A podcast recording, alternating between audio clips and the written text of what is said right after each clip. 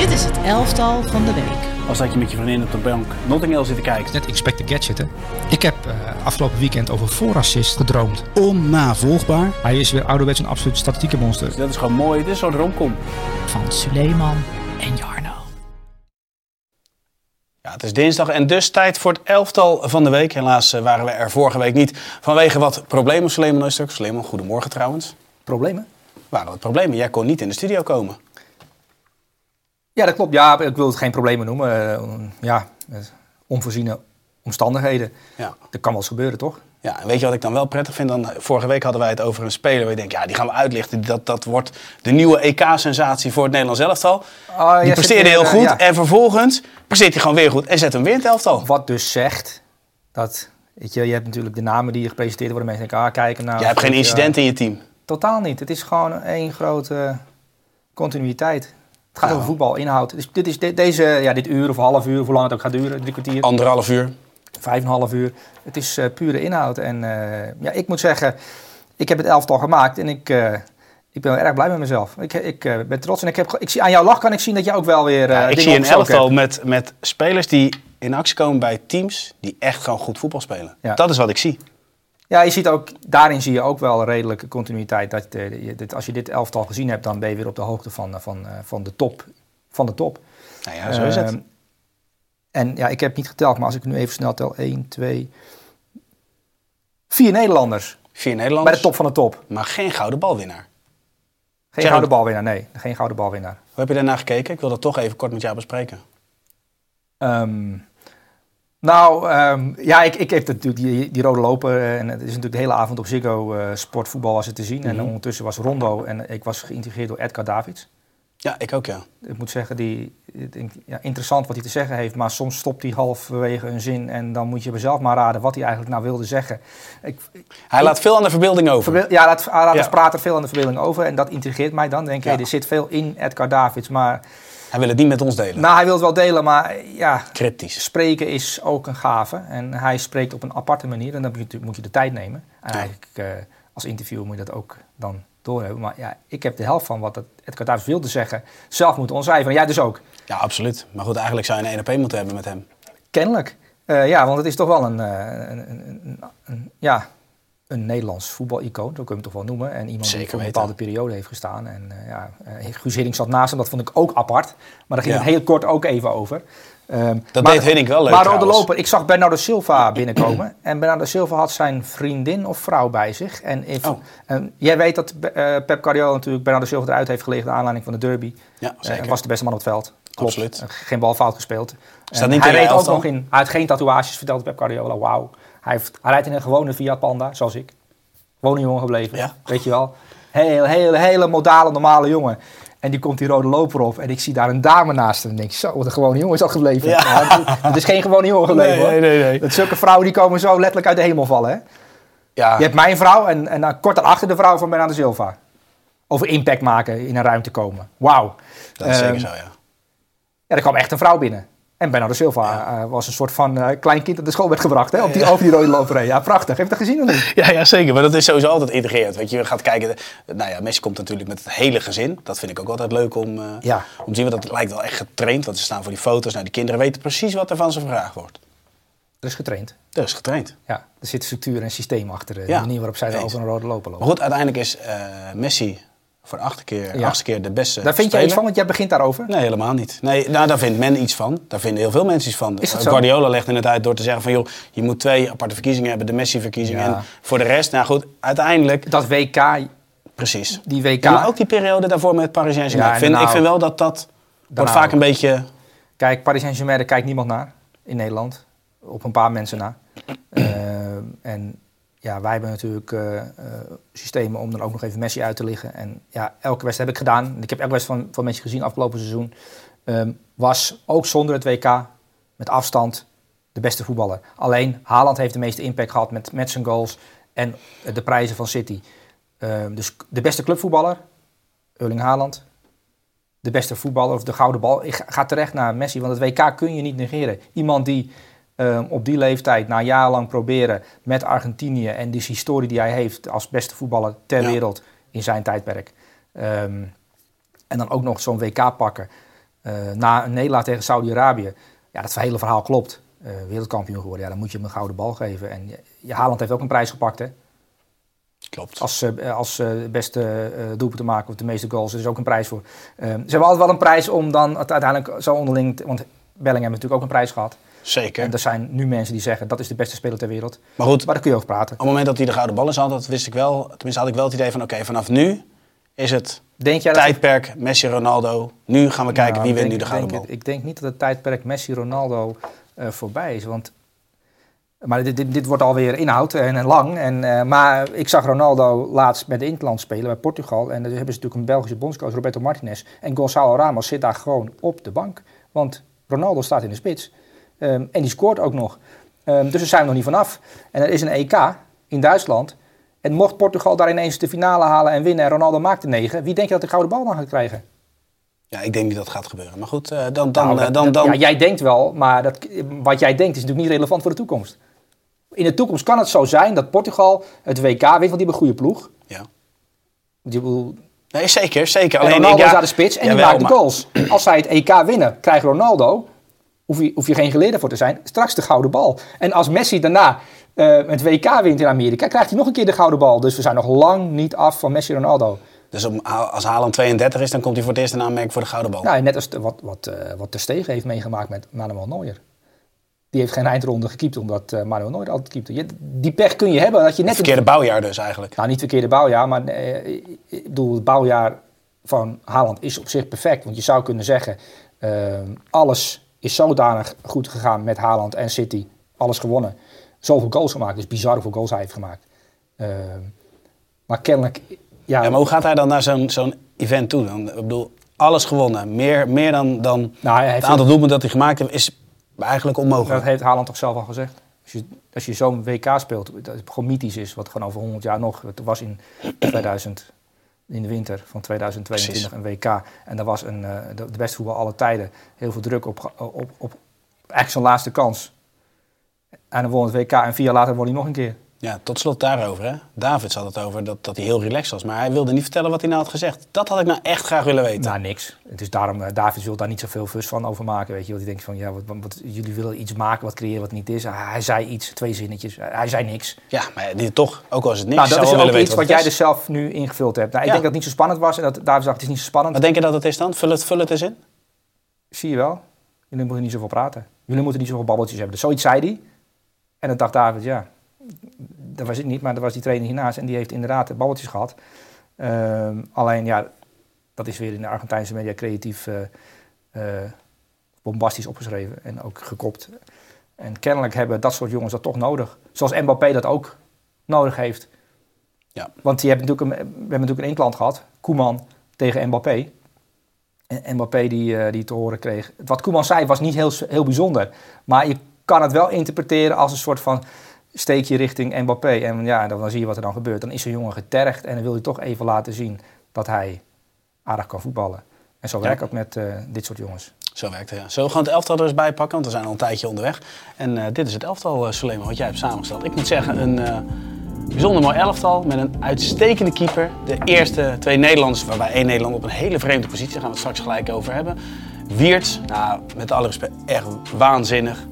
Ja, en voorin misschien wel de EK-sensatie van het Nederlands elftal. Ik heb dus Haaland bijvoorbeeld niet, gezet, niet kunnen zetten. Twee goals en een assist in een, in een derby van, uh, van Manchester en geen ja. Haaland.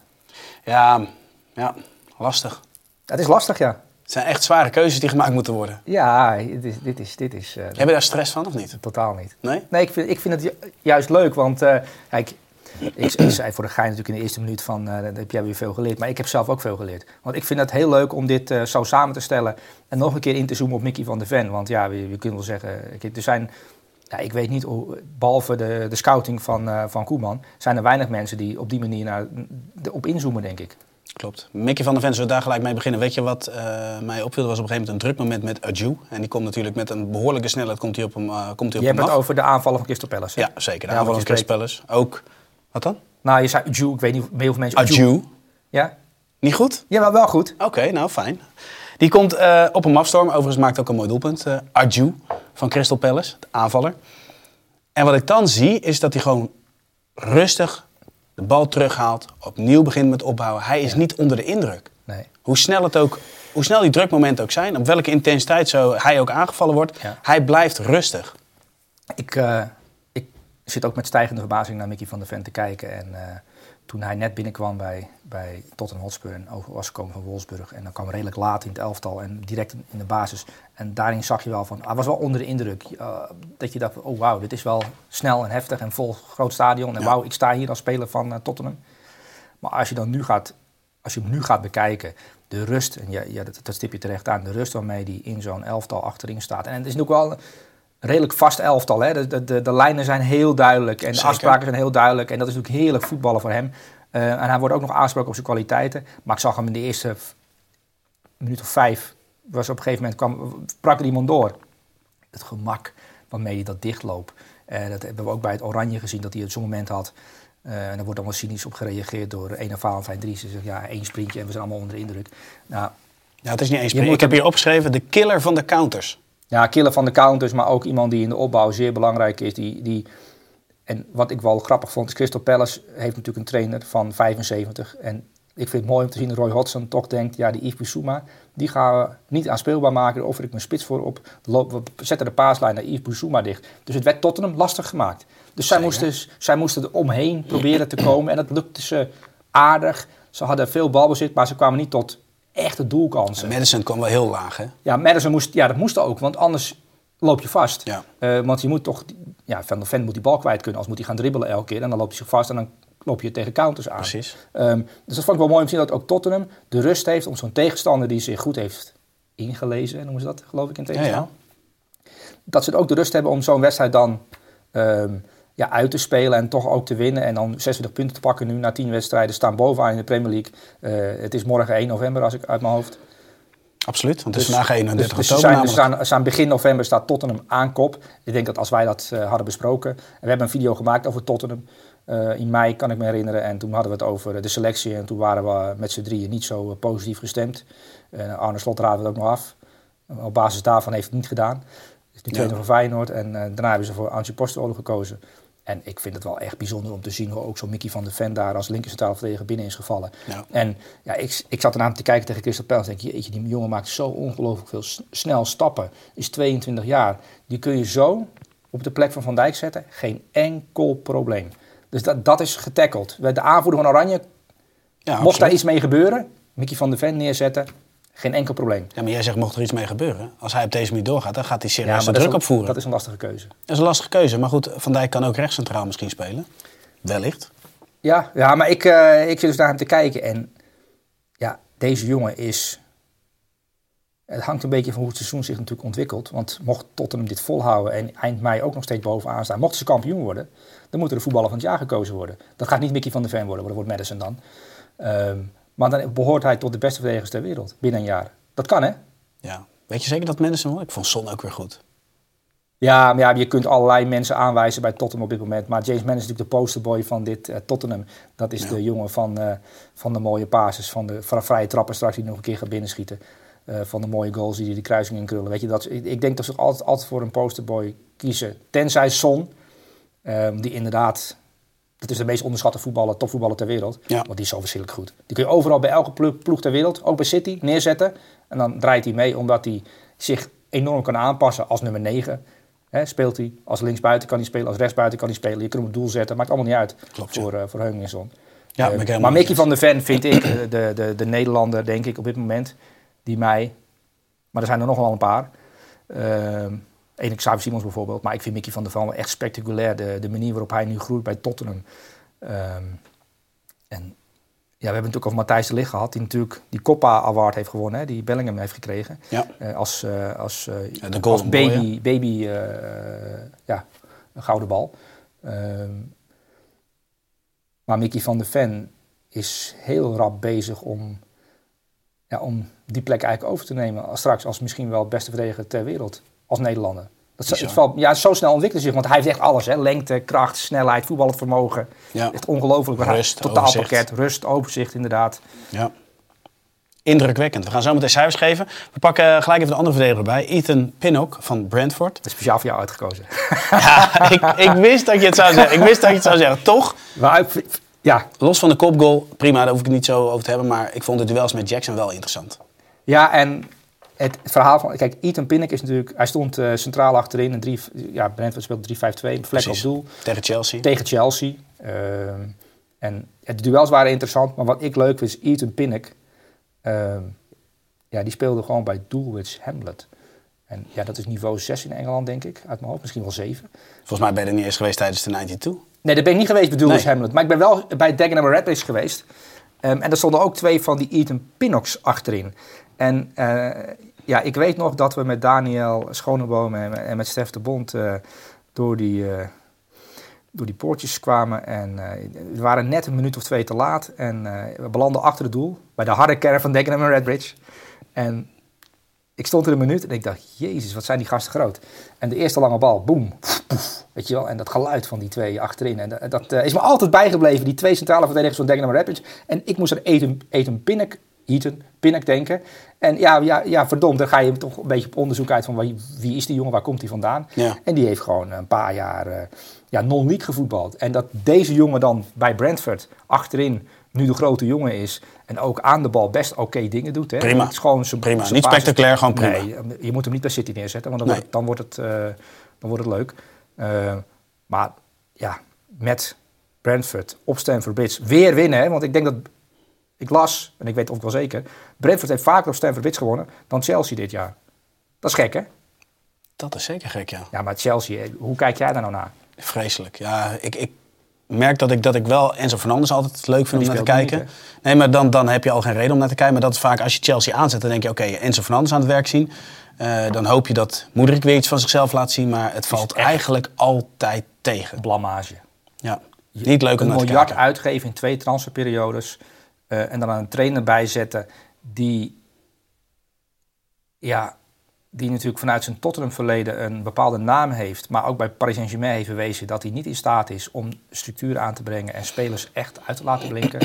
dat je die dan erbij zet, want grote naam, Pochettino. Gewoon een verkeerde trainerskeuze gemaakt en dat weten ze bij Chelsea nu ook allemaal. Maar ja, je kunt niet elke keer die trainer eruit flikkeren. Nee. Want ja, ze hebben Potter er natuurlijk uitgegooid, naar Lampert geprobeerd. Verkeerde keuze, ja, clubjongen, ja, clubjongen, fout. Um, nu Pochettino, grote naam, fout. Nu moeten ze weer voor, voor een, uh, naar een trainer gaan kijken die iets kan. Want het is natuurlijk belachelijk dat je de ene keer Madueke opstelt dan wie die, dan wie zo. Wie zou jij na dit seizoen dan willen zien? Wie zou jij nou, als je, als je nou vanuit Chelsea, en dus niet ideale trainer?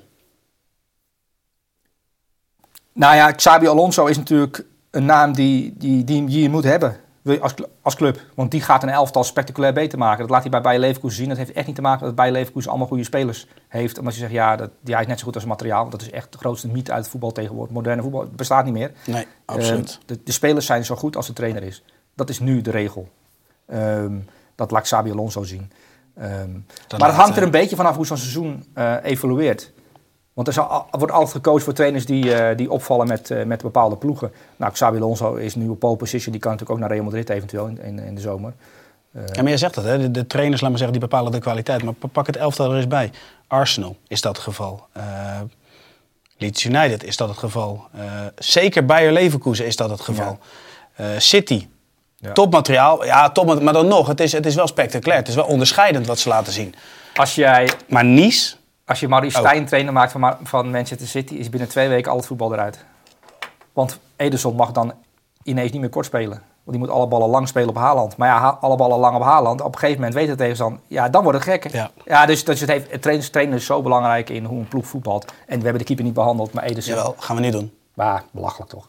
Nou, er is, er is, belachelijk. Ik, ik, wil geen redding bespreken. Ik wil, ik wil maar één moment dat United een keer goed druk zet. Ja. Het was echt serieus. Als je, als je frame voor frame kijkt... Het was goede druk. Hij speelt gewoon één bal op Bernardo Silva dat je denkt van ja... Jij bedoelt de bal die hij geeft, denk ik, dat Bernardo Silva aan de linkerzijkant ja, ja, ja, halverwege, de, halverwege de middenlijn staat, rond de middenlijn staat, iets eronder. En dat alles vaststaat. En dat Ederson die bal over zes man heen... Uh, en wat mij opviel, en dat, dat vond ik helemaal verbazingwekkend, met links en rechts. Ja. Dat is echt krankzinnig. Met links en rechts zulke ballen geven. Dus moet je maar eens op letten, want dat zijn details. Als je City United kijkt als toeschouwer, of je zit in het stadion, of je kijkt voor de tv, je zit via play te kijken. Uh, en ondertussen zit er een kind aan je been te trekken. Dat, dat, dat, dat heb je natuurlijk wel eens. Um, dan zie ik niet geconcentreerd te kijken. Maar als je geconcentreerd gaat kijken en ook gaat letten op aannames met welk been dat... Want dat is vaak het knappe bij City. Dat spelers, en vooral Ederson, doet het gewoon met links en rechts. Ja, korte, lange paas. Korte, lange paas. Er, zit zoveel training in en zoveel uh, invloed van een trainer die dat belangrijk vindt. Want de manier waarop hij uh, deze wedstrijd beïnvloedt... Want de aanloop van een 2-0 is ook geweldig uitgelegd met Met vond ik dat trouwens. Um, die daar toch ook wel goed gevoel voor hebben. Dan kijk, een mooie goal van Haaland, weet je wat, die binnenkopt. Die, bij de ja, maar Manchester Day kijkt sowieso heel analytisch naar voetbal. Dus dat is altijd Ja, maar die hebben een enorm productieteam. Hè. Die werken daar met uh, eh, 15 man achter de schermen. En, uh, er, is, er zijn al vier, vijf Pieter Zwart tegelijk bezig met het analyseren. En dat is wel prettig analyseren. Zeker. Uh, dat zouden wij ook eigenlijk wel willen. Toch? Ja. Met 15 man achter de schermen. Dat we dan, maar, maar ja, dat we zitten met z'n tweeën. Um, maar de manier waarop City die 2-0 maakt, begint gewoon bij Ederson.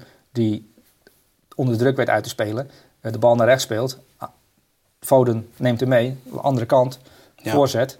Ja, dat is een geweldige goal. Maar die begint bij een doelman die, die ongelooflijk goed is met zijn voeten. Um, en elke keer die opties uh, ziet. En waardoor ook United... Uh, ja, die, je, het is ook wel lullig voor Ten Hag, die zo goed voor voorbereid. Ja, je krijgt een soort onmachtig gevoel. Want, ja, want dat, dat, was daar ook dat, dat drukmoment waar we het net over hadden. Ze deden eigenlijk alles goed. Linies waren kort op elkaar aangesloten. Juiste intensiteit. Alles stond inderdaad vast.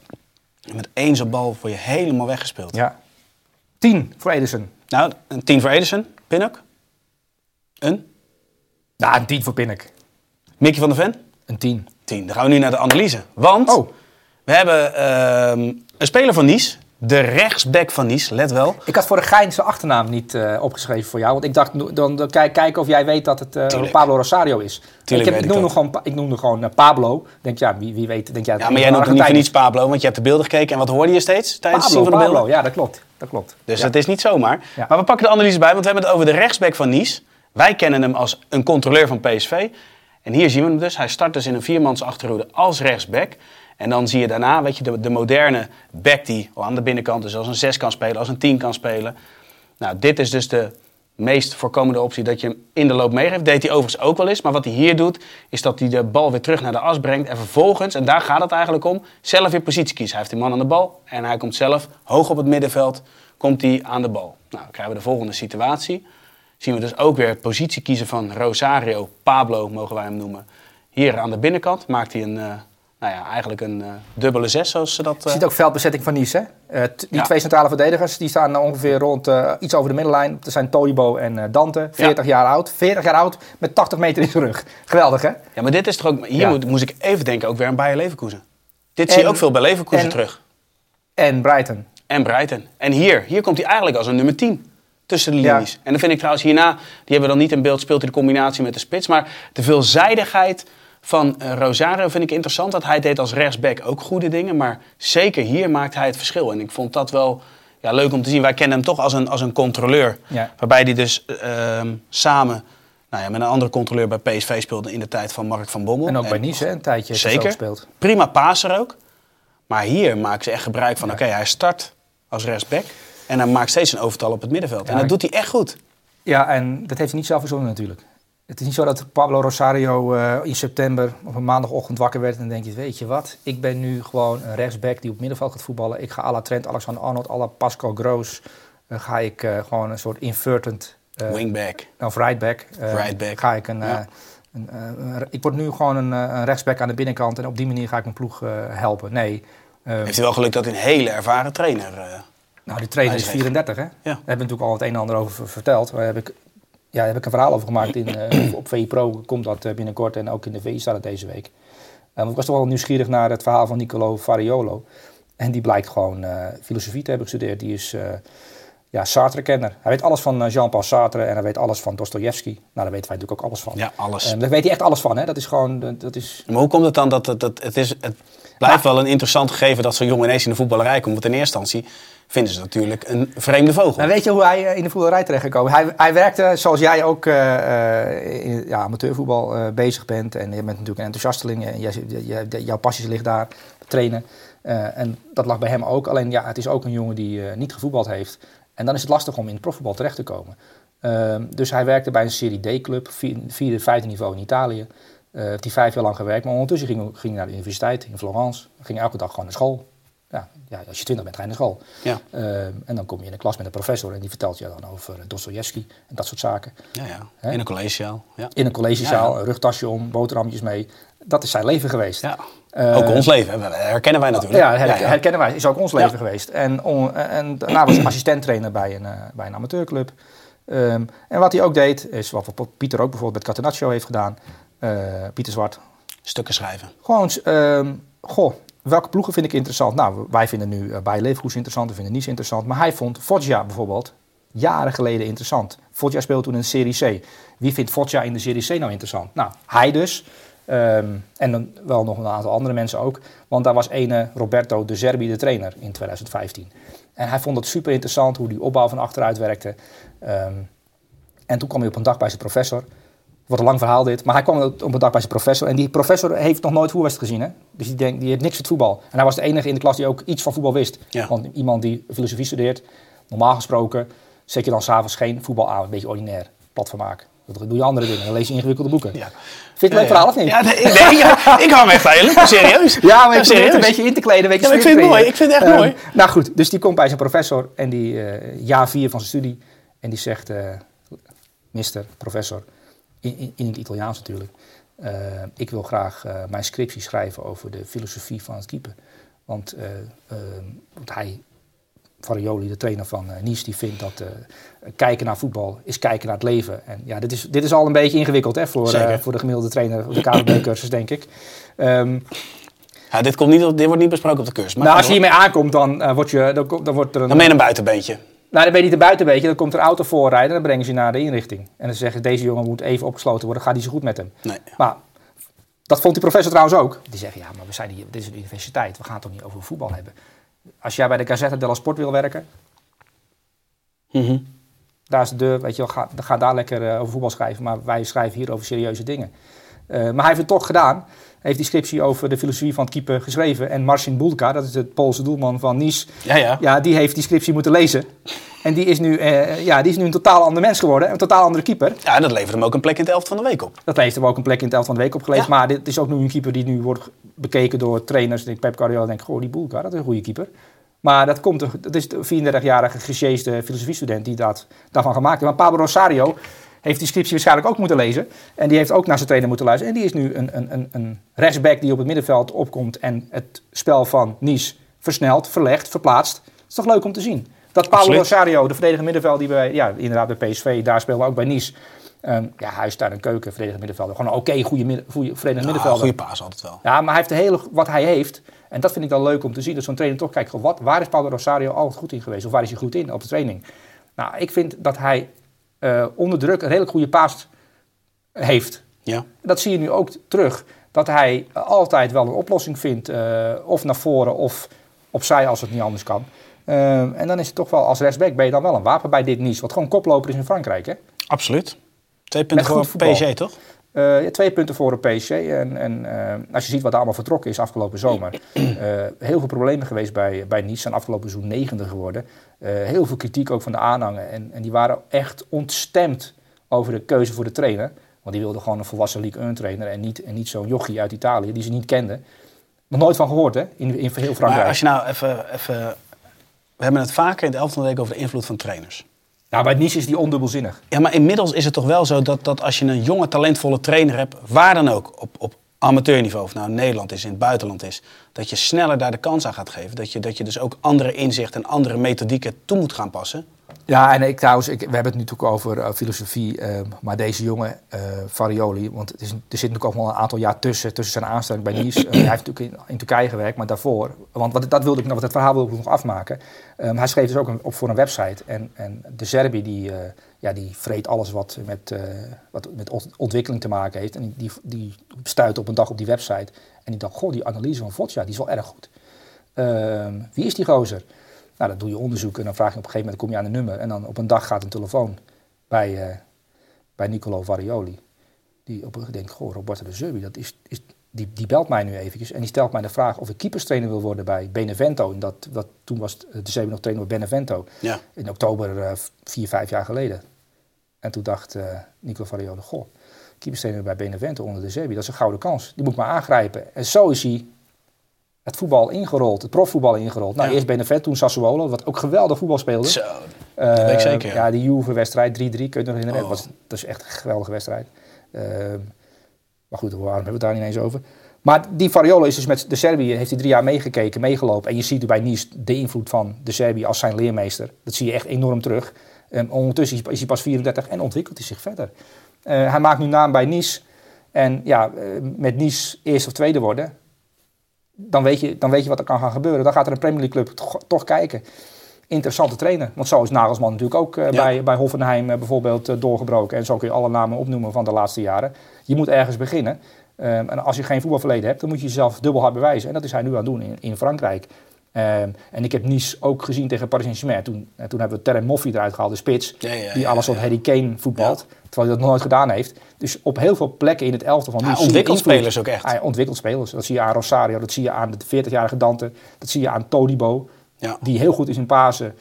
En dat nu ook gewoon mag doen. Je ziet een ontwikkeling bij de keeper. Je ziet een ontwikkeling bij Yassimier, moeilijke naam. Uh, nou, Moffi dus. En zo kun je het heel elftal van Nice opnoemen. Er zijn allemaal jongens die zich ontwikkelen. Nou, dat betekent dat de trainer daar uh, goed werk verricht. En hij heeft ook nog eens iemand... Uh, nou, er is ook nog Becca Becca, de, de, man die op de brug stond bij Nice. Dat is een Nice-speler. Hebben ze ook goed ingegrepen. Want die leeft nog. Mooi verhaal. ja, mooi verhaal. Dat vind, vind ik zelf ook wel.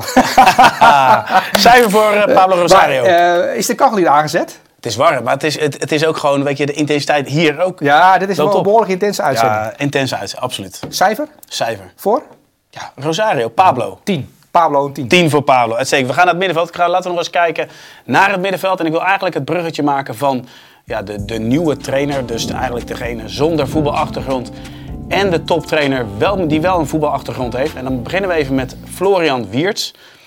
En oké, geweldige goal die mij even deed denken aan Slatan Ibrahimovic. Ja, bij tegen NAC, inderdaad. Ja, maar ik, moest, ik vond de reactie van Xabi Alonso na die goal... vond ik eigenlijk het hoogtepunt van die wedstrijd. Dat iemand die zo'n enorme purist is... die een, een team zo waanzinnig laat voetballen... Ja. dan ook op een gegeven moment dan, ja, weet je, gewoon oprecht gewoon kan genieten van één zo'n moment. Ja. Ja, dat vond ik echt mooi. Ja. Echt mooi. Kijk, Xabi Alonso kon zelf natuurlijk geweldig goed voetballen. Dat zie je trouwens nog steeds, hè? Hebben die ja. filmpjes gezien op TikTok en op Instagram dat hij die paas geeft dan... Uh... Op een training? Ja, die normaal. Ja, ja maar um, kijk, Xabi Alonso kon zelf geweldig goed voetballen. Maar dan zag je Iniesta en dan dacht hij, goh, wat ik doe is normaal. En wat hij doet, dat is, uh, ja, dat is, dat is iets speciaals. Ja. En dat herkent hij nu ook in Florian Wiertz. Hij heeft natuurlijk heel veel goede... Palacios, geweldige speler. Saka, geweldige prof. Um, zo kun je het heel elftal doornemen. Frimpong, dus kwaliteit. Maar Wiertz, daar stopt op een gegeven moment ja, de reden. En dan denk je, ja, dit is magie. En die goal... Buiten categorie. Die goal is magie. Ja. Um, en Florian Wirtz, die gaat ook in aanmerking komen voor een gouden bal. Ik bedoel, Bellingham... Ja, maar dan moet hij toch wel terecht. eerst een transfer maken, toch? Ja, maar die jongen is volgend jaar weg. Daar gaat Bayern, Real, Barça, City, dat zijn die vier clubs ongeveer die voor hem gaan. En dan gaat een transfersom uitrollen waar wij allebei uh, de hik van krijgen. Ik denk dat het richting de 200 miljoen gaat. Moet wel. Ja? Ja, zo goed is die jongen. Dit is echt een van de allergrootste talenten ter wereld. Florian Wiets heeft natuurlijk een jaar stilgezeten met een kruisbandblessure. En daarvoor, op zijn zeventiende, was hij eigenlijk al stiekem de beste speler in de Bundesliga. Alleen toen heeft hij een jaar stilgezeten. En binnen een jaar verandert natuurlijk veel. En dan breekt uh, Kavi door en dat soort jongens allemaal. Maar Florian Wiets is op dat niveau alleen beslissender. En ze zijn nog steeds koploper. Hoe lang gaan ze dat volhouden? Tot het einde. Denk je echt dat ze kampioen kunnen worden en gaan worden? Nou, Bayern München en, en, en, uh, en Bayern Leverkusen gaan het uitvechten. Dus komend weekend is het Dortmund-Bayern. Leuke wedstrijd. Uh, maar ik zie Dortmund heeft dat niveau niet. Nee. Vind ik persoonlijk. Ik denk dat de trainer net niet goed genoeg is om dit bij, op Dortmund echt bijzonder te maken. Ik zie ook veel onvrede weer bij Dortmund, bij wisselingen en zo. En, uh, maar Bayern Leverkusen gaat heel weinig punten weggeven. En ik vind dat Tuchel het ook op, op de rit heeft bij Bayern München. Alleen die zijn wel ongelooflijk afhankelijk van een aantal spelers. En Harry Kane is nu wel echt heel belangrijk geworden voor, uh, voor Bayern München. Ik denk dat als team Bayern Leverkusen zo goed is dat ja, Bayern München er echt een, een uitdaging aan heeft. Dat vind ik zelf wel leuk, dat er een uitdaging is voor Bayern München. Vorig jaar zijn ze kampioen geworden omdat bij Dortmund er liet liggen. Dat is echt een slecht seizoen in de Bundesliga afgelopen jaar. Ging heel veel fouten ja. Uh, bij heel veel clubs. Maar je ziet nu Leipzig op orde, Dortmund redelijk op orde, Leverkusen top, Bayern München top. Leuk. Ja, maar dat maakt het des te knapper dat, dat Bayern München ook begint te draaien. Dat ze nog steeds de koploper zijn. En ook wel ja, met overtuigend spel, vind ik. Ja, de manier waarop zij natuurlijk uh, acht goals maken in een minuut of 40 in de tweede helft. Uh, tegen Darmstad. Ja, wel tegen negen man natuurlijk. Uh, maar ja, je ziet daar, daar, je ziet daar ook. je ziet daar dat, dat die ploeg redelijk staat nu. Um, dus ja, dat, de Bayern München gaat ook heel veel wedstrijden winnen. Dus ik zie niet dat Bayern München nog heel veel laat liggen. Maar ik, toch maakt Bayern Leverkusen op mij meer indruk. Maar misschien is ook de nieuwigheid. Dat je ook dat misschien dat zelf het liefst wil. Dat zou nog mee kunnen spelen. Want Bayern München verslaan is wel lastig. Jawel, maar we, we hebben wel eens gezegd van, van wat maakt nou een topteam? Dat als je het beeld stilzet, hoeveel opties er zijn.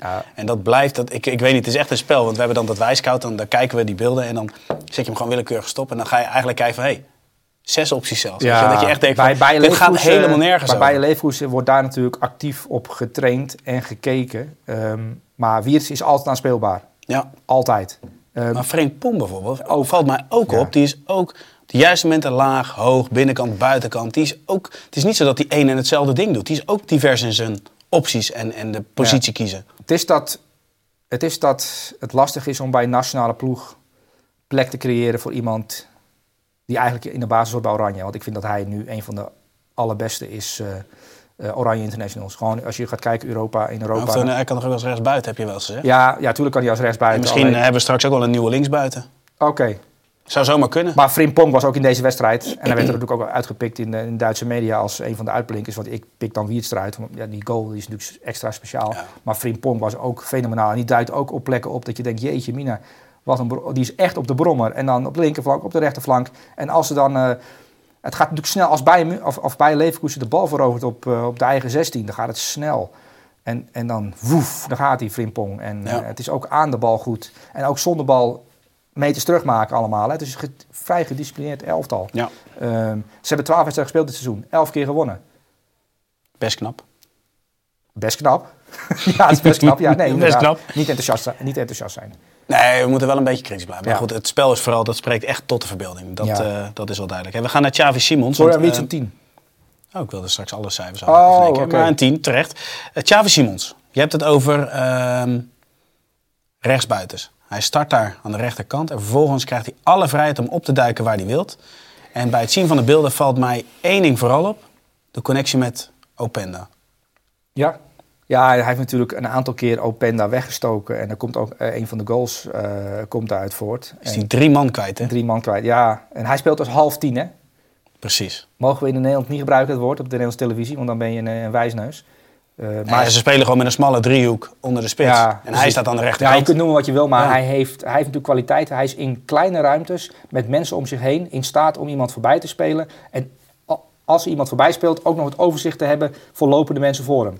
Nou, Openda is niet een lopend iemand, maar dat is iemand die ja, niet op de brommer is, maar met een raket. Dat is echt de allersnelste. Dat is niet normaal, hè, hoe snel hij diepte zoekt. Dat hebben we natuurlijk ook gezien in Frankrijk vorig jaar.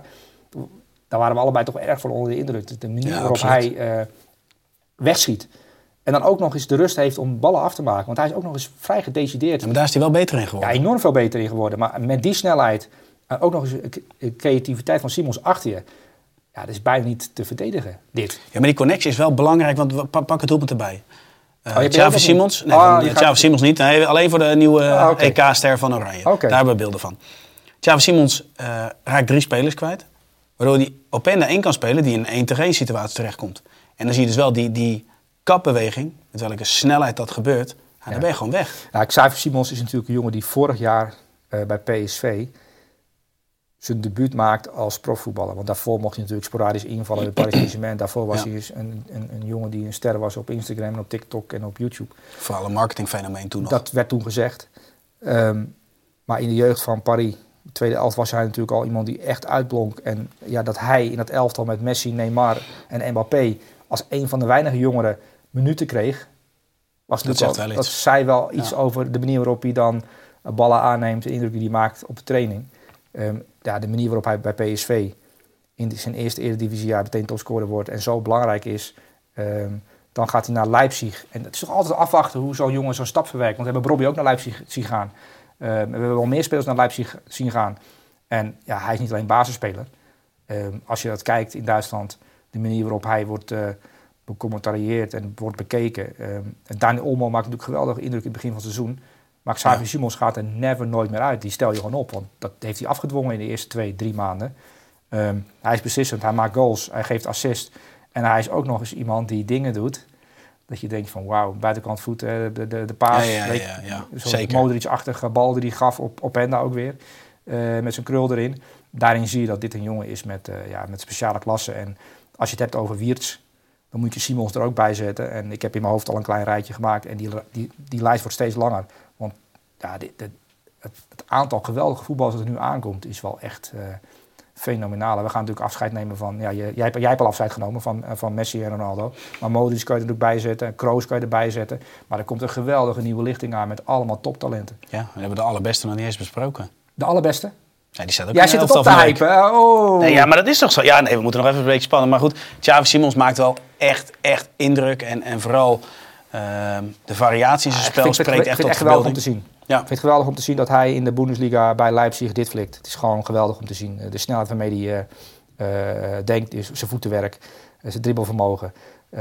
Bij zo'n club beslissend zijn. daar hebben we het wel over een voetballer. En hij is natuurlijk verhuurd door Paris Saint-Germain. maar dit laten zien bij Leipzig zo beslissend zijn in de top van de Bundesliga, heb je het over een transfersom 100 miljoen plus. Hè? Dat, dat is nu het talent wat hij laat zien. Ja, bijzonder. Ja. En wat voor cijfer levert dat dan op? Een 10. Je deelt alleen maar 10 uit. Ja, maar zo goed is het elftal. Nou, dan gaan we nu naar de middenvelder, in mijn ogen, de allerbeste. Ja? Ja.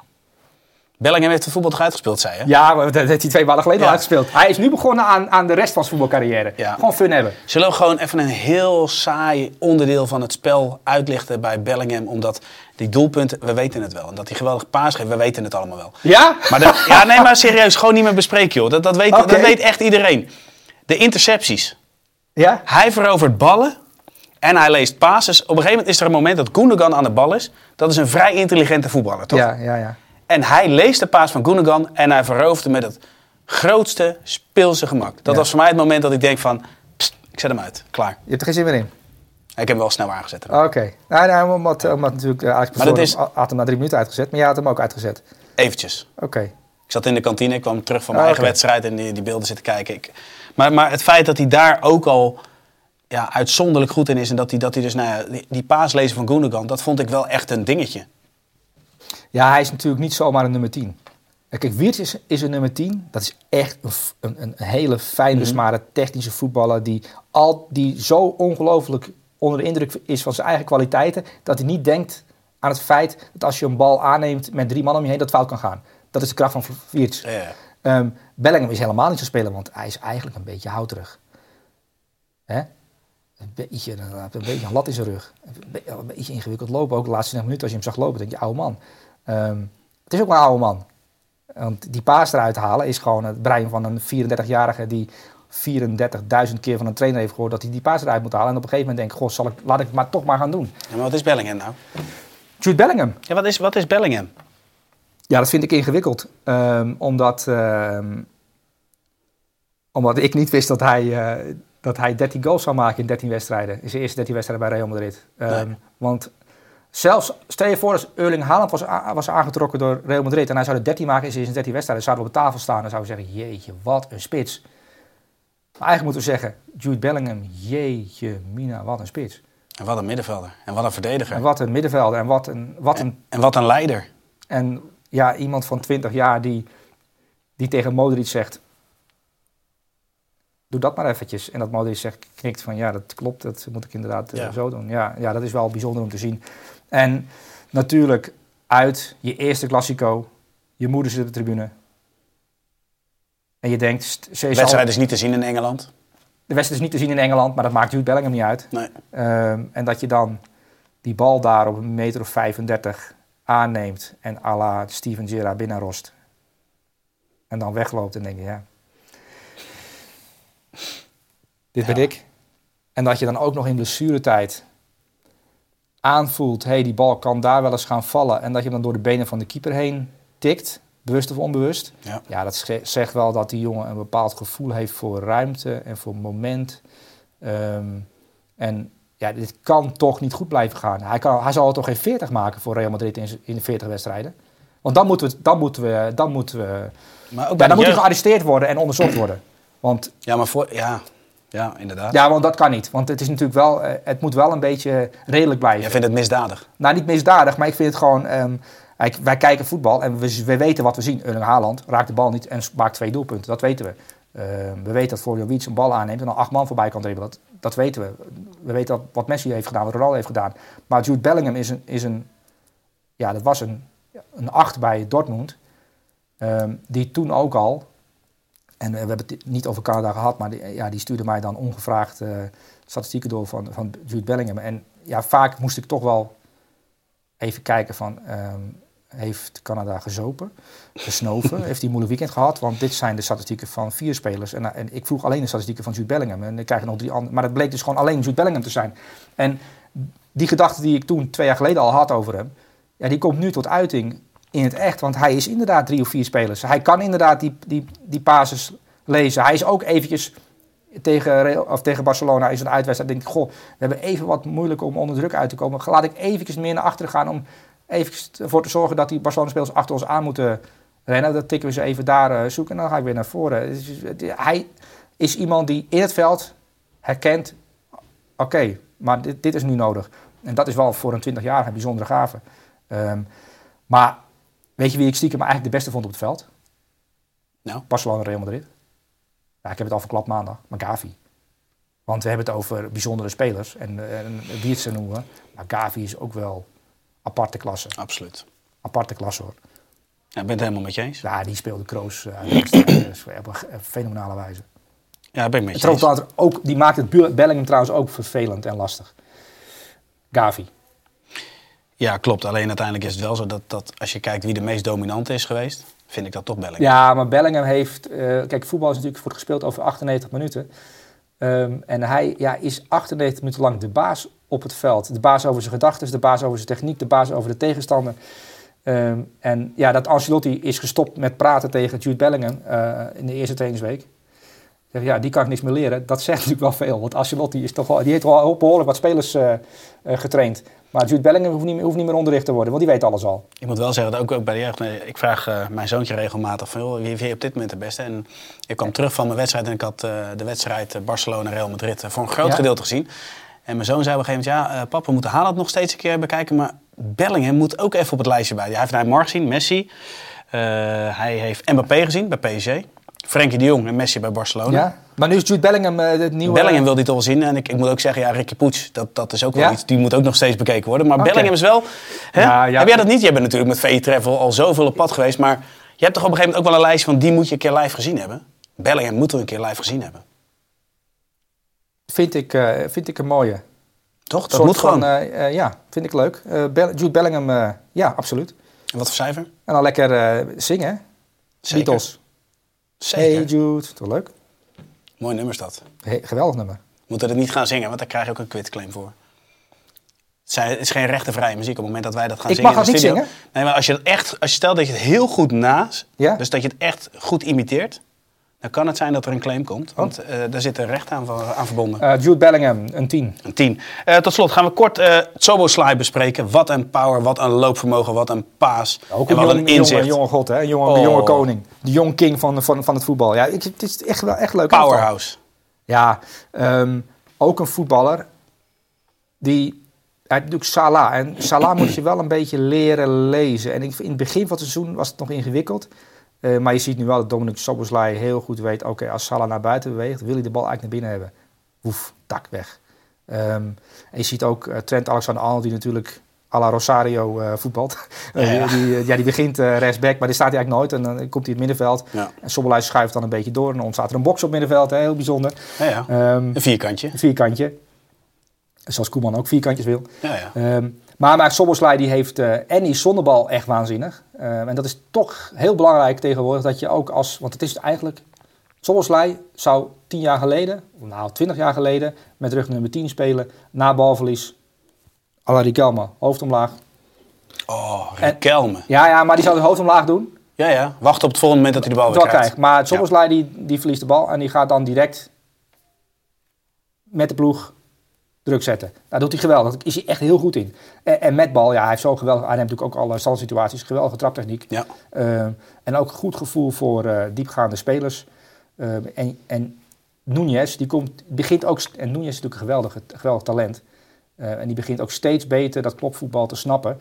En Salah, Nunez, Soboslai, die driehoek. En er begint nu ook aan de andere kant iets te ontstaan met, met ook een heel groot Nederlands talent waar we het niet over hebben gehad. Absoluut. Ryan Gravenberg. Zeker. En, en, Kloppen zonder indruk. Ja, maar het is ook, als, als Ryan Gravenberg het ook gaat oppikken en dat begint ook te snappen en Robertson is terug en er ontstaat ook dynamiek aan die kant met Diaz die helaas nu eh, niet kon spelen vanwege ja. een bizarre situatie. Maar je ziet dat, dat Liverpool ook zich uh, nieuw middenveld gekocht met McAllister en uh, met Soboslai erbij top aankoop geweest. En Soboslai is degene die het elftal weer in leven heeft gebracht en hij was geweldig tegen Forrest. Ja, ben ik helemaal mee eens. Wat een voor cijfer? Een 10. Dan gaan we naar de aanvallers. Zullen we nog even de aanvallers erbij pakken? Want het ja, we zitten natuurlijk al zo erg uh, in ons verhaal. Uh, Harry Kane, en Katia. We gaan beginnen met uh, de Katia. Ehm, drie goals. De eerste, mooie aanname. Tweede, waanzinnig. Maar wat een talent. Ik vind vooral eigenlijk bij die eerste, die aanname, die versnelling. Want het, is heel, het lijkt heel simpel. Maar het gaat om de hoogste weerstand. Een vol strafschopgebied. En dan die aanname goed hebben waarbij de keeper ook kort op hem zit. Dat vond ik wel echt een, nou ja, vond ik een mooi moment in de wedstrijd. Ja, nou, ja, drie goals is natuurlijk al reden om je naam uh, op te schrijven. En dan, ja. is, uh, je, dan moet je kiezen tussen Kitia of Haaland. En Haaland is natuurlijk de derby. En eigenlijk moet je dan voor Haaland kiezen. Maar ik denk, en Ketia, uh, ik vond die drie goals. De hat is bijzonder. Ja. Um, de, maar ik, ik, heb ook momenten gezien in de wedstrijd dat ik dacht, goh, ja, we hebben nu Gabriel Jesus vorig jaar een aantal keer besproken. Omdat hij dan, ja, hij stond in de spits, maar hij stond eigenlijk overal, behalve in de spits. En, en Ketia, dat is altijd een, ja, een soort een 16 meter Vos geweest. Dat je hij mhm. handig in de 16 meter, balletje van tevoren, dat schiet hij binnen. Maar die, ik zie bij hem een ontwikkeling. Dat ik denk van, je, dan, dat, Arteta moet zo'n ongelooflijk goede trainer zijn met die hele staf. Want ook Enketia, die maakt een ontwikkeling doordat hij ook... Uh, wat vind je dan het meest opvallende nou, dat spel, hij, wat hij heeft toegevoegd? Nou, dat hij, dat hij um, dat als Arsenal aan het aanvallen is, dat hij zijn eigen ruimtes aan het maken is. Ik zag hem op een gegeven moment in het middenveld komen, iemand wegtrekken, uh, verdediger meetrekken en dan uh, met een bepaalde loopactie erachter vrijkomen en toen kreeg hij de bal. Ik, hey, dat is gewoon een trainingsroutine. Uh, maar ik zie ook dat hij, de ontwikkeling die Kane bijvoorbeeld, uh, die, waar, waar we van onder de indruk zijn dat hij ook als een soort nummer 10 speelt. Nketiah speelt ook als een soort nummer, extra nummer 10 bij Arsenal bij momenten zonder bal. En dan zie je gewoon heel duidelijk dat hij, dat hij daar enorm in is gegroeid. Dat hij ook buiten de 16 vertrouwd aan het raken is met de bal en daar ook ehm, een wapen aan het worden is. En zie dat het elftal op alle fronten in ontwikkeling is. Uh, niet alleen uh, Saliba en, en, dat soort jongens die we natuurlijk uh, besproken hebben. Sinchenko, Jesus, Martinelli, nou, Saka en uh, Eudegaard natuurlijk. Ja. Maar ook deze Nketiah, waarvan je dat misschien toch minder verwacht. Want ik, ik denk dan, Nketiah die valt op de lange termijn af. Kopen ze nog een, nog een spits erbij die beter is. Maar deze jongen wordt ook gewoon beter. en zodanig veel beter dat, ja, dat het toch wel gewoon een hele goede, hele goede spits ja. aan het worden is. Marcel Lucas vond dat ook, hè? Vond Lucas het ook? Nou ja, die had hem natuurlijk. Die heeft, we hebben Arsenal heeft hem uh, in de jeugd. Uh, tenminste, heeft hij hem gevolgd. Ja, ik, ik, uh, ik, ik, nu, nu je het zegt, herinner ik me het, het verhaal weer. Ja. ja. Cijfer voor uh, Enketia. Ja, niemand snapt dit, hè? Maar nee, we hebben ooit een keer een, een uitgebreid gesprek gehad met Marcel Lucas. En dat ging eigenlijk over Arteta in dit geval. Maar goed, er kwamen ook een aantal jeugdspelers in. ja, dus, zeker. ja, maar Enketia, geweldig, die maakt echt een geweldige ontwikkeling door bij Arsenal. Cijfer? Een 10. Een 10. Harry Kane? Een 10. Dat nou, die goal van, uh, van eigen helft. Ik, ik, ik, durf te wedden dat hij naar Beckham heeft gekeken. Documentaire. Denk ook, ja. Geïnspireerd geraakt. Weet je dat wij trouwens afgelopen weekend ook een goal van eigen helft met mijn eigen team? Ook Beckham gekeken? Die heeft ook Beckham gekeken, ja. Oké. Okay. Ja. Ik zal hem even naar je sturen, hè? Ja, stuur maar door, ja. Stuur even door. Uh, Kane, het uitzakken, paasje van Sané, dat, ja, dat was echt waanzinnig. Ja, en zijn statistieken zijn fenomenaal bij, bij Bayern München. Uh, en dan zie je toch wel, en in het begin van het seizoen was ik wat kritisch over aan, de aankoopprijs. Um, omdat je denkt van ja, um, je hebt wel andere problemen. Maar ik vind wel dat Toegel met Hey Kane erbij uh, en met Minje Kim erbij. Nu zie je wel. En ook, ik vond ook de linksback weer aardig aan het voetballen nu. Alfonso Davis vond ik een tijdje minder. Ik denk, je, Alfonso Davis, wat, mm -hmm. weet je wel. Wat is er mis mee? Ook Mazari was goed aan de rechterkant als rechtsback. De Licht? De Licht is iemand die nu een rust heeft gevonden daar als rechtscentrale verdediger. En, en misschien toch ook wel ja, nu aan het verbeteren is, vind ik een positief signaal. Ja. Uh, maar je moet wel afwachten wat gaat gebeuren als Upamecano weer terug is en dan de keuzes die gemaakt worden, want dan kun je misschien ook weer... Maar geeft geen reden om gewisseld te worden. Nee, geeft geen reden, maar dat is, dat is, natuurlijk niet altijd uh, uh, zo dat je dan ook je plek behoudt. Maar vind ik ook positief om te zien. Het gaat niet over de lichters goed. Ehm, en die moet gewoon in dat geheel ja. zijn werk doen en dat doet hij goed. Ehm, maar Harry Kane is wel ja, speciaal en een, een, een, een, een Engelsman in, in Duitsland die op deze manier indruk maakt. Uh, als bij een kampioen wordt, krijgt hij natuurlijk uh, de voetbal van het jaar uh, trofee. Ja, zo'n zo'n spits is ideaal voor ieder team. Ieder land zou ook zo'n spits kunnen gebruiken. Heeft Nederland misschien zo'n type? Misschien in de Serie A?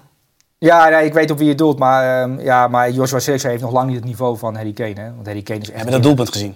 Ja, ik heb het doelpunt, ja, ik heb het doelpunt zeker gezien. En weet je wie er ook onder de indruk was van het doelpunt? Nee. Een voormalig gouden balwinnaar uit Nederland. Mark van Basten. Een behoorlijke spits. Van Basten bedoel je? Die was onder de indruk van de aanname, de rust, afwerking. Van Basten heeft natuurlijk uh, altijd de rust. Dat was wel een beetje in relatie tot Brobby. Daar was hij wat kritischer op. Ja, ja, ja. Ja, maar ik heb daar iets over gezegd toch een paar weken geleden. Mm -hmm. ja, daar ben ik over verketterd, geloof ik. Um, ja, daar wil ik graag bij laten. Doe à la Mourinho. I prefer not to speak. En uh, in de toekomst zal het wel uitwijzen. You prefer not to speak? I prefer not to speak. Oké. Okay. Dan krijg je rood, hè? Dat moeten we niet hebben. We geen rode kaart hebben. Ja, maar ik wil er wel één ding over zeggen. Weet je wat een zwaktebot zou zijn op het moment dat hij transfer maakt naar bijvoorbeeld de Milan? Ja. Dat hij dan ineens wel op de radar zou staan.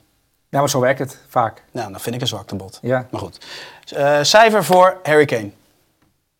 Een 10. Een 10, want we gaan naar de allerlaatste analyse. Misschien wel een sensatie op het EK in Duitsland. Speelde op het tweede niveau in Engeland. Misschien sla ik door. Ik ben in ieder geval enthousiast. Um, ik wil um, in dit geval Summerville uitlichten. Crescencio Summerville. Zeker. Um, en ook wel de wapens die hij heeft. Hij heeft een hele goede actie. Super snel. Maar ik wil even drie momenten laten zien aan je. Uh, wat, ja, wat, wat hij zou kunnen brengen en kan toevoegen aan de elftal. Hier is hij aan de buitenkant aan de bal. Uh, geeft hij de bal op een gegeven moment mee in de loop. Niet zozeer zo bijzonder, maar het feit dat hij continu twee man bij zich heeft. Dus ook tegenstanders bindt, is een belangrijk onderdeel. Dit vond ik iets. Dit wist ik niet dat hij dit beheerst. Hier krijgt hij de bal zo meteen teruggespeeld. En vervolgens in de volgende situatie ga je dus ook zien dat hij opengedraaid zat naar de goal. Dus weer twee man echt met hem bezig. Hij legt hem perfect neer, wordt niet afgemaakt. Maar hij heeft dus ook gevoel voor de ruimte. Hij heeft een hele goede paas. Maar op dit moment bindt hij dus ook weer twee tegenstanders. Ja, en dit is echt een, een wapen. Het is een omschakelmoment. Je ziet waar hij nu staat. Ze speelde overigens tegen Huddersfield. En kijk wat er daarna gebeurt. Hij is aan de bal. Op een gegeven moment creëren ze hier een 3 tegen 3. En daar rechts in beeld zie je Daniel James. Die steekt hij op een gegeven moment weg. Doelpunt. Als hij dus uitbreekt, niet te houden. Tot slot dit moment. Hij krijgt de bal aan de zijkant gespeeld. Die twee tegenstanders zijn weer alleen geënt op Summerville in dit geval. Wat inhoudt dat de rest meer vrijheid krijgt. Op een komt er zelfs een derde bij. Nou ja, de actie die hieruit voortkomt en uh, wat een prachtig doelpunt oplevert... zegt alles over zijn kwaliteit. Maar het zegt ook vooral van hoeveel tegenstanders hij bindt bij een tegenstander... en hoeveel ruimte dus zijn medespelers Ja. kunnen gaan krijgen. Dat Ja. wilde ik even gezegd hebben. Dat is Maar is dat genoeg? Ja, voor Oranje. ja, kijk, we hebben natuurlijk eh, vorig jaar eh, op Premier League niveau o- ook eh, w- wedstrijden in de basis zien spelen. En ook heel goed zien spelen. En Ja. en, eh, vaak beslissend geweest. En hij speelt natuurlijk nu op het tweede niveau bij Leeds United. Dat eigenlijk aan zijn stand verplicht is om te promoveren. Ja, maar goed, eh, Leicester staat er echt met ruime afstand Ja, maar Leicester is dat ook verplicht. En, Precies. en Ipswich Town staat nu tweede. Ja. En die, da- daar moet Leeds eigenlijk overheen eh, straks. Eh, ik heb een verhaal over Ipswich Town gemaakt trouwens voor de mensen die geïnteresseerd zijn in de VI deze week. Omdat het natuurlijk wel bijzonder is, want die speelde vorig jaar nog in League One. Hè? Zeker. Dus die, ja. Ja, ja. Ehm, maar Crescencio Summerville. Ehm, vond ik vorig jaar al bijzonder. En toen had ik gezegd tegen Matthijs, denk ik, een keer van... Ja, ik vind dat hij qua talent in, in aanleg, qua potentie beter is dan Cody Gakpo. En die speelde toen nog aan de linkerkant. Hè. ja. En als je dat zegt tegen Matthijs, dan zet hij het. Dan gaat hij het uitlichten en dan gaat hij net doen alsof ik gek ben. En, eh, Ja. Maar als je nu zijn eh, impact ziet bij Leeds, is hij is een van de beste, zo niet de beste speler in de championship. Ehm, en er gaan in januari clubs komen die zoeken naar spelers die het verschil maken, want hij maakt het verschil. Eh, buiten de 16, in de 16, maar vooral wat jij net allemaal beschreven hebt, eh, ehm, met steekpases. Ehm, met iemand die drie, twee, drie man bindt, inderdaad. Maar ook iemand die gewoon een man voorbij kan gaan en dan daaruit eh, Ja. een kans kan creëren of een doel kan maken. Ehm, zijn goals en zijn assists, daar is hij nu belangrijk mee. Speelt met echt veel zelfvertrouwen. En is een geboren dribbelaar, geboren voetballer, die, die nu ook in rendement is gaan denken. Ja, en dan, dan ben je eigenlijk onhoudbaar voor een club als Leeds United. Ik zal me echt verbazen als er geen grote club komt. Want hij heeft een beetje dat Noah Lang kwaliteit. Scheidt aan de hele wereld, geef mij de bal maar. Ja. En dat is wel bijzonder om te zien. Ehm, en aan de andere kant heb je Dan, Dan James. En die hebben we natuurlijk allemaal gezien bij United. En die is vooral heel snel. Ja. Maar die heeft niet die klasse die Crescencio Summerville wel heeft. Want Dan James geeft niet zulke passes die jij net eh uit, eh Nee, uitlichtte. Want dat is vooral een, gewoon een, een, een, een Technisch ook veel minder vaardig. Ja, maar Crescencio Summerville kan ook vrije trappen de kruising indraaien. Ja. Dus het is wel een vrij complete uh, linksbuiten. Doet mij een beetje denken aan uh, Mitoma, dat soort uh, niveau. Dus ik, ja, het zal mij verbazen als er niet een serieuze club voor hem komt.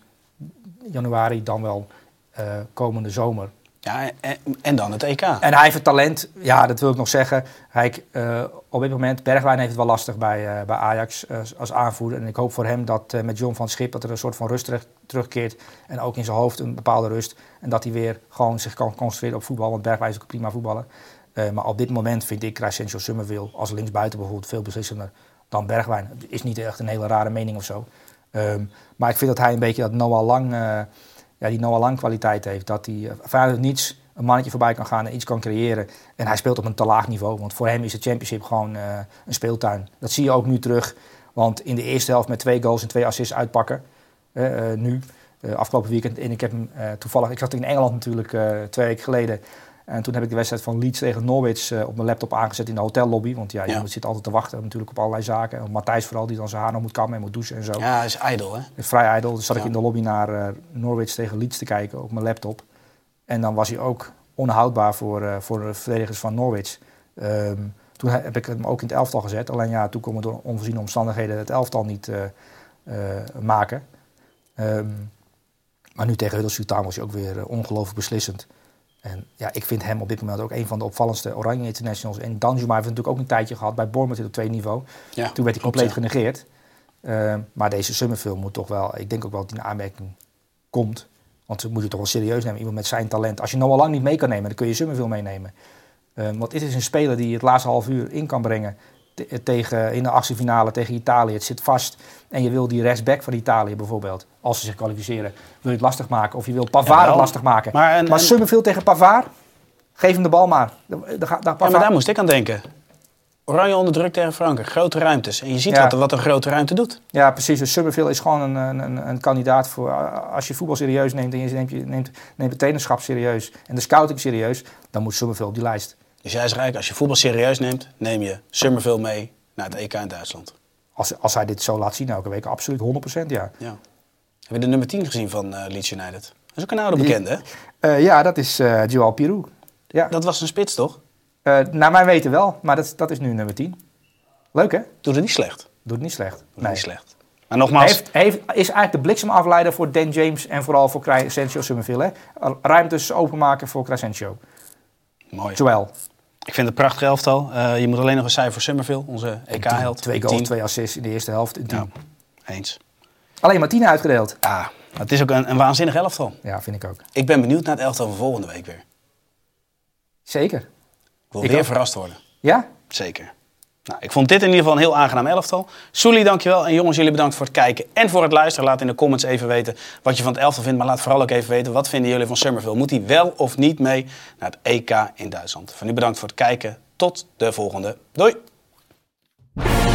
Dit is het elftal van de week. Als dat je met je vriendin op de bank Notting Hill zit te kijken. Net Inspector Gadget, hè? Ik heb uh, afgelopen weekend over voorassist gedroomd. Onnavolgbaar. Hij is weer ouderwets een absoluut statistieke monster. Dus dat is gewoon mooi. Dit is zo'n romcom. Van Suleiman en Jarno.